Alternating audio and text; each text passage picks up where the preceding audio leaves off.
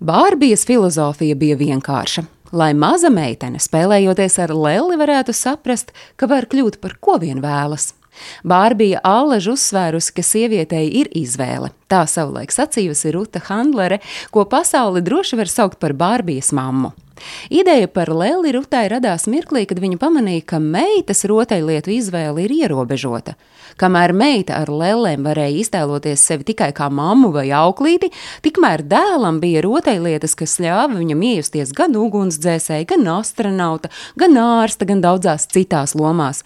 Un tieši tas mudināja Rutu radīt lēli, kas parādītu meitenēm, ka viņām ir izvēle un viņas var kļūt par ko vien vēlas.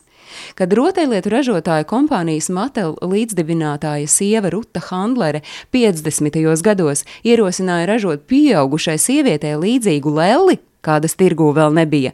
Šo ideju ne viņas vīrs, ne citi firmas direktori neatbalstīja.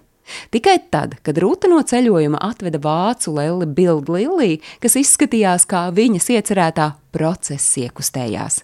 Handleru meitas Barbaras vārdā nosauktā Bārbija drīz vien radīja apvērsumu mazo meiteņu galvās. Pasaulē pirmajai Bārbijai bija astē sasieti mati, melnbalts pludmales starps, stilīgas kurpes ar vaļējiem purngaliem, zelta riņķi ausīs un pat mini rāvēslēdzējs, kas darbojās. Lēle maksājusi 3 dolāru, bet atsevišķi varētu klāt piepirkt citas modes dāmai nepieciešamās lietiņas.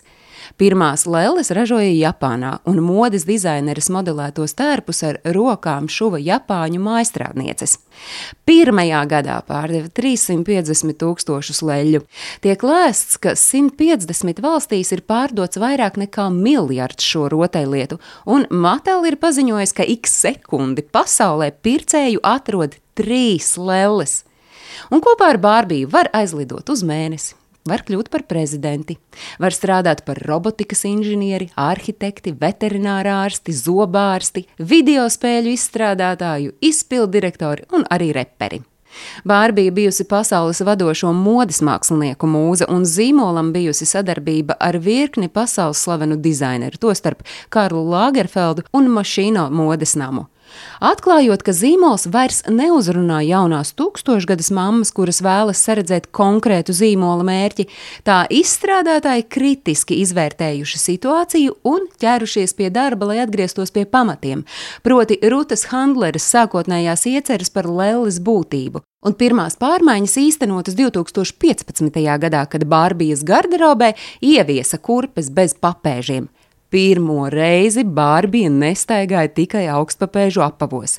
Bārbiju klāstu dažādoja arī citādi ādas toņi, matu krāsas un sejas panti.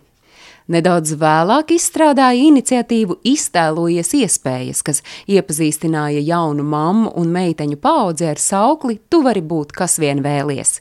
Bet 2016. gada janvārī žurnāls Times ar vāka tekstu Vai mēs varētu beigt runāt par manu ķermeni, iepazīstināja pasauli ar Bārbijas jaunajām ķermeņa aprisēm.